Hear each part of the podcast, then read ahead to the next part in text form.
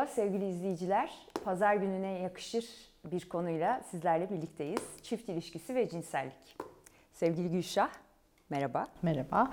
Ee, çift ilişkisi dediğimiz zaman romantik ilişkiyi kastediyoruz değil mi? Doğru. Aynen öyle. Bir kadınla kadın arasında olabilir, kadınla erkek arasında olabilir. Benim verdiğim örnekler şu an için sadece heteroseksüel bir tecrübem olduğundan öyle olacak. Kamuoyuna duyurulur. Şimdi cinselliği işledik, çocuklar ve cinselliği işledik. Çift ilişkisine geldiğimiz zaman e, şöyle bir şey soracağım böyle hak diliyle sana. İşte ilişki iyiyse cinsellik de iyidir.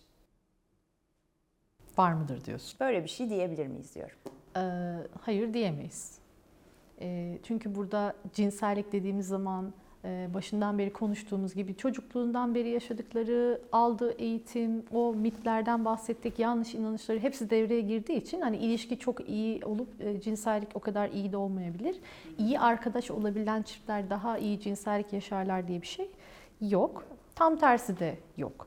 Yani cinsellik çok e, daha e, özel bir alan e, ama cinsellik illa bir ilişkide olmalı mı sorusu genelde beraberinde geldiği için söyleyebilirim. Hayır, o da olmak zorunda değil. E, çünkü bazı çiftler var diyor ki ben hani biz çok iyi anlaşıyoruz, çok iyi eğleniyoruz. Cinsellikte olmasa da olur, çok da önemli değil. İki tarafında onayı olduğu sürece aslında cinsellikte her yol doğru, her şey doğru. Bizim iki tane çok önemli kuralımız var cinsellikle ilgili. İki tarafında onayı olacak ve çiftler, partnerler birbirine fiziksel ve ruhsal olarak zarar vermeyecekler. Bu iki kuralı karşıladığı sürece her şey doğru. Ama bir e, partner bir e, fantazinel e, işte şeyi isteğini dile getirdi. Diğer partner bunu uygulamak zorunda değil. Onaylamak zorunda da değil. Burada iki tarafın onayı.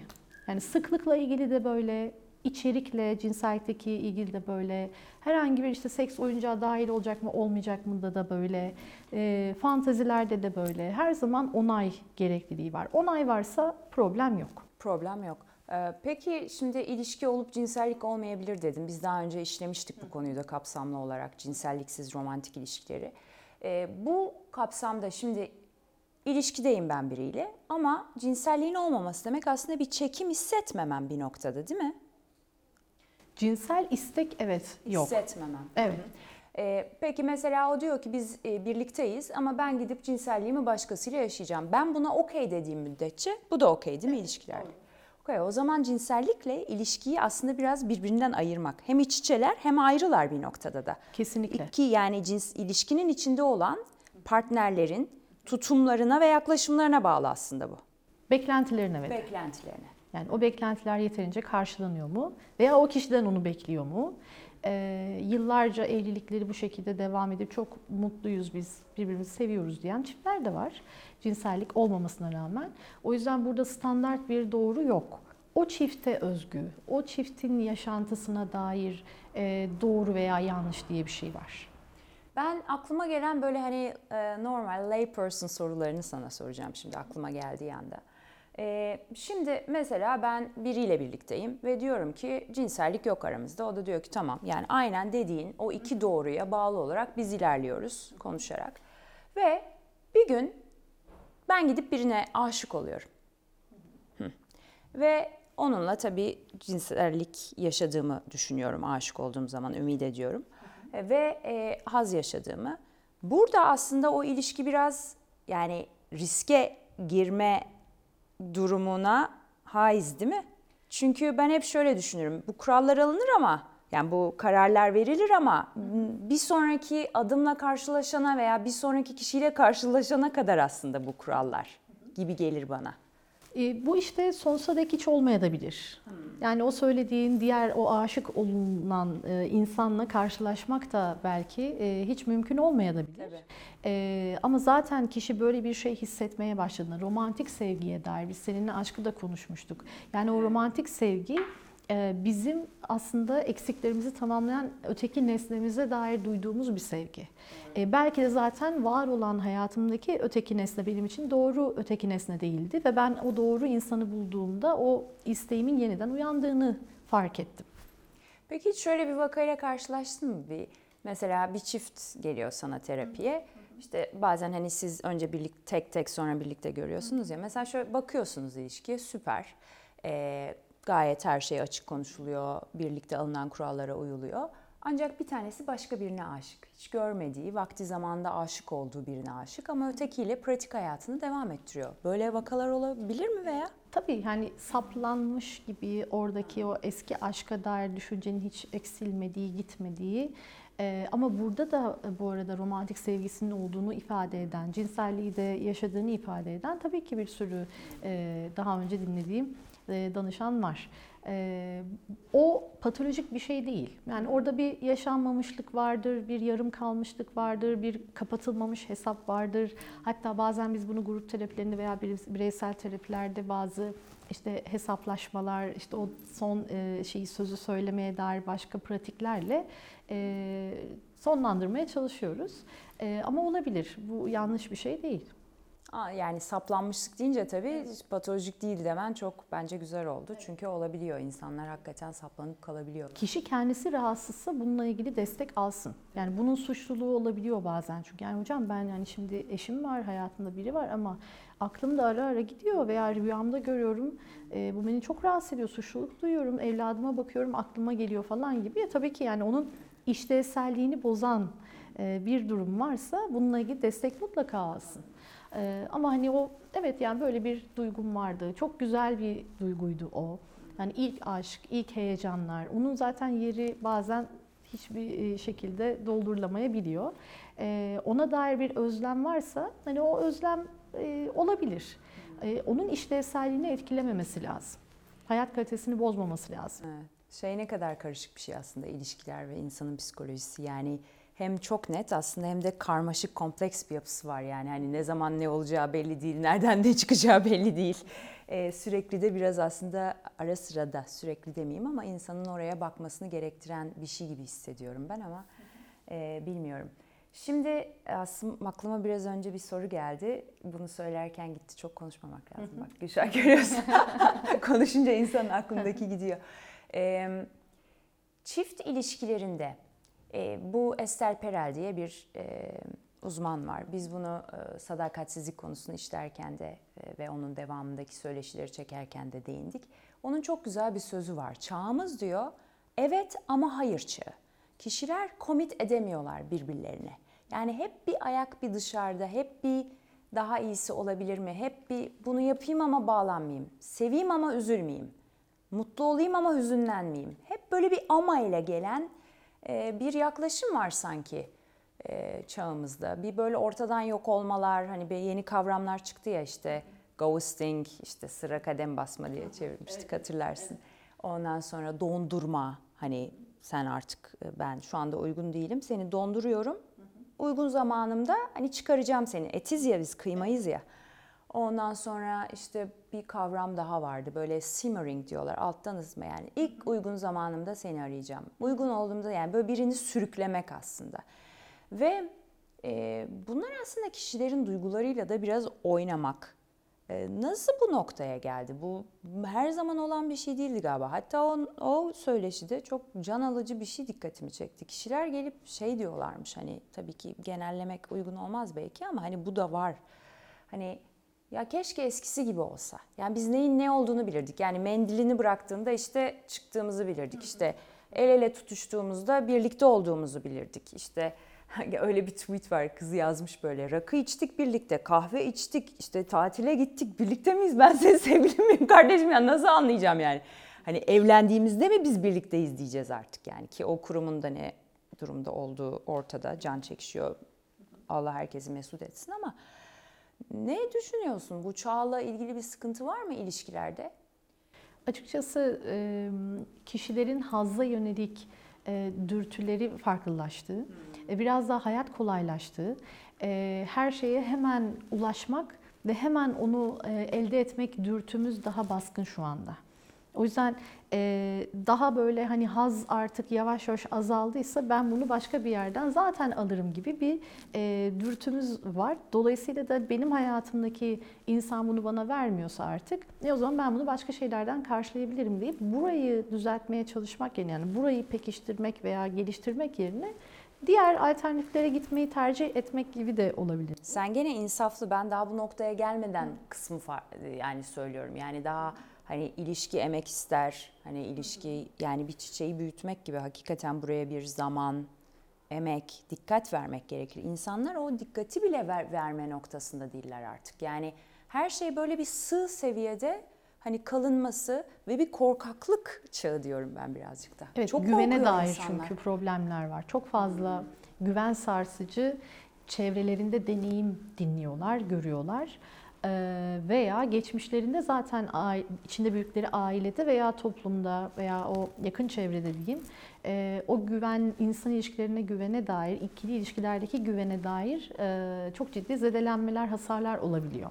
Bağlanma sorunları işte o temelde dediğimiz anne babayla ilk gelişen sonrasında da hayatımıza giren diğer partnerlerin de e, belirleyici olduğu e, bizde geçmiş deneyimler çünkü her zaman çok önemlidir. E, o beyindeki amigdala dediğimiz bölge ne yapıyor? Olumlu olumsuz deneyimleri kodluyor ve ben artık benzer bir durumla karşılaştığımda hep bir uyarıda bulunuyor bana. Bak dikkat et, böyle bir şey olabilir, sonra böyle yapılabilir sana. Ve ben, ve ben artık hiçbir zaman eski ben olmuyorum zaten. O güven bir kez sarsıldıktan sonra. Yani sormaya çalıştığım şey şu.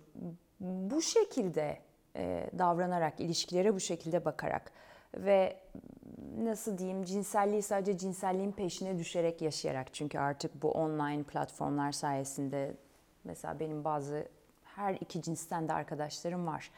Cinsellik yaşıyor, ilişkiye girmiyor. E, bunu bu şekilde yaşayarak veya ilişkinin peşinde koşmayarak bir mutluluk ve huzur seviyesine erişme şansı var mı insanın? O kişi için doğru yol oysa var tabii ki. Neden olmasın? İsteğiyle ilgili. İsteğiyle ilgili olarak. Yani orada e, ilişkinin ona sonuçta katkıları olduğu gibi hayatta ondan e, götürdüğü şeyler de var. O kar zarar analizinde iktisadi olarak ulaştığı şey e, bir ilişki bana çok bir şey katmadığı gibi benden de şunları götürüyor. O zaman ben ilişki yaşamayayım. Sadece cinsel istek duyduğumda e, oradaki doyuma beni ulaştıracak insanlarla görüşeyim diyebilir. Ee, bir diğer tarafı da şu ki e, o ruhsal yapılanmada işte Freud'un tanımladığı yine id, ego, süperegoda e, egoyu besleyen, bizim benliğimizi besleyen hayat alanları var. Şimdi bunlardan biri özel hayat ama illa benim hayatımda biri olması gerekliliği yok egomun güçlü olması için, benlik değerimin, saygımın yüksek olması için. Yani hayatta işte işkolik olup e, tek e, egosunu besleyen yer kariyeri olan insanlar var. Ailesiyle görüşmüyor, arkadaşları yok, e, bir hobisi yok. Ama çok mutlu, depresyona girmiyor bu insan. Yani önceliği biraz da neye verdiğimiz de önemli. Ya ben romantik bir ilişkinin olmamasının çok e, üzüntüsünü yaşıyorum demiyorsa, Demiyorsa.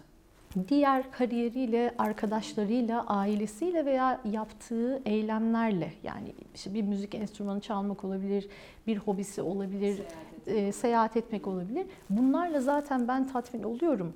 İhtiyacım yok diyorsa e, bu da bir sorun değil. Genelde de zaten ilişkiye yönelmemeye sebep olan şey buradan ben yeterince besleniyorum. Bir de buranın çünkü e, getireceği şeyleri düşünerek e, sonrasındaki olma ihtimali olan işte aldatılmak gibi başka e, problemler gibi ilişkinin hani sorumlulukları gibi şeylerden negatif diyeyim etkilerinden uzak kalmak istiyor olabilir. Kendini bir korumaya alma durumu olabilir. Şunu aslında benim aklıma takılan şu, seni dinlerken onu fark ettim. Birisi bir şeyden kaçtığı için bazen oraya girmez ya ve korktuğu için. Ee, hani bununla helalleşerek bunu yapmasında ben bir sakınca görmüyorum ama bir şeyden kaçılarak yapıldığında, tabii bu benim hani normal bir insan olarak düşüncem. Bu bana çok uzun vadede iyi bir metodmuş gibi gelmiyor nedense. Yani dediğin gibi hani gayet her şeyin farkındadır, bakmıştır, tedavisini görmüştür, terapisine gitmiştir, kendisi veya halletmiştir. Tamam o apayrı. Ama kaçar kaçtığı için yapıyorsa veya oraya girmemek için hani böyle kapalı kapılar vardır ya aman o kapıyı açmayayım. O konuda ne düşünüyorsun? Eğer bu bir kaçışsa e, büyük ihtimalle bir yerde zaten o da bunun farkına varacaktır. Yani ben bir şey yapıyorum. Yani bir gün belki bir e, karşı e, tarafı hani partnerini çok üzdüğü veya çok sıkıntı yaşadığı bir şeyle yüzleşecek. E, farkına varı, varma ihtimali yüksek.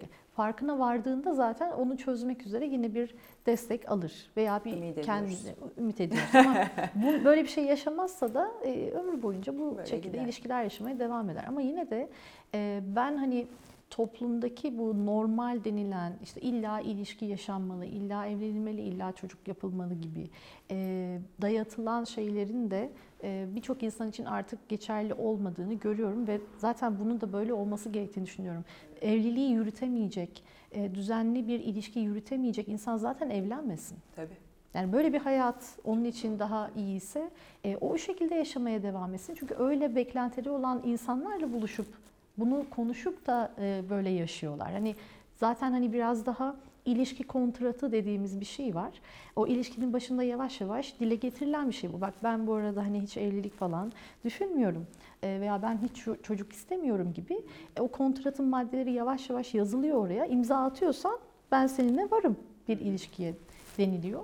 O yüzden hani bunlar da açık edildiği için e, genel olarak benim e, Gene onu eklemeden edemeyeceğim. e, öyle de olmalı. Evet. Zaten en tehlikeli maddeler kişilerin kendilerinin farkında olduğu, o kişiden bekledikleri ama bunu o sözleşmeye yazmadıkları maddeler Veya farklı söyledikleri. veya farklı söyledikleri maddeler en tehlikelisi bu. O kişiyi o sürecin içine çekebilmek için dile getirdikleri ve sonrasında da caydıkları e, Maddeler. maddeler. bunlar en Büyük de güven tehlikelisi. kaybına neden oluyordur her anlaşmada olduğu Kesinlikle. gibi yazılı veya yazısız. Ben de dediklerine sonsuz katılıyorum. Ee, yani çok farklı bir çağda yaşıyoruz. Ee, Seni dinlerken ama şunu söylemeden geçemeyeceğim. Çok idealist bir insan yapısından bahsediyorsun. Yani kişi kendisiyle ilişkisini hakikaten çok iyi kurmuş olmalı ki e, bütün toplumun o dayatmalarına bir noktada durup hayır ben bunu istiyorum veya ben şu anda iyiyim ve bunu iç rahatlığıyla söyleyebilsin. Evet. çünkü kişiler şöyle bir oturup kendileriyle baş başa da çok kalmıyorlar. Evet. Çok Ondan fazla- da bir kaçınma var. Doğru. Çok fazla zaten aile beklenti içinde olabiliyor. Hani ne zaman torun geliyor, ne zaman bir işte bize gelin, damat veya işte e, şunu sunacaksın gibi e, sorular zaten çok fazla soruluyor. E, o kişi de zaten aslında bir süreçten geçerek o noktaya geliyor.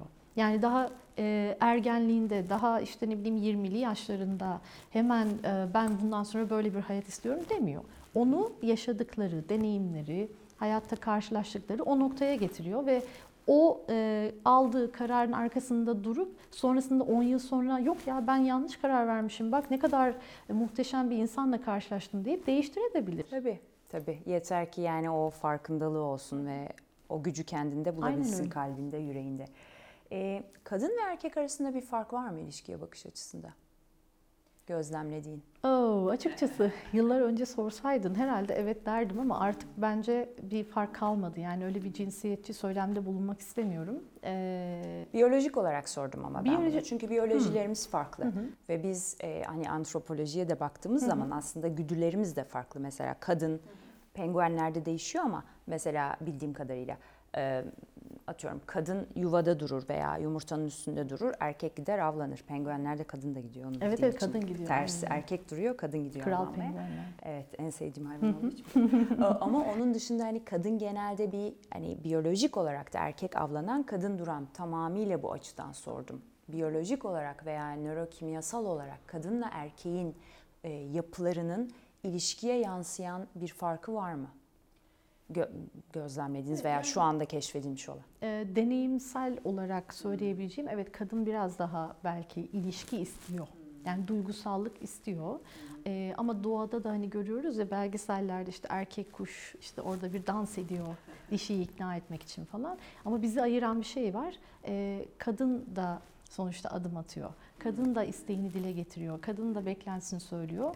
O yüzden hani belki evet biraz daha öyle olabilir. E, çünkü erkekte biraz daha hani bu sperm saçma, hani tohum saçmaya dair hani o, o insan e, evet e, aynen öyle avlanmaya dair, o ırkın devamlılığına dair bir misyon verildiği için e, kadındaki bir mens başlıyor, ergenlikle birlikte bir uyanış var. E, ama işte yine neye geliyoruz? Bu e, baskılanan toplumlarda ne oluyor? E, oraya dair hani bir yok sayma. Ama erkeğin fizyolojik olarak e, bir boşalması oluyor spontan hani onu keşfediyor. Doğal olarak da hani biraz daha erken uyanıyor o dürtüler veya farkına varıyor. Ee, veya işte yasak denildikçe kadın bastırıyor.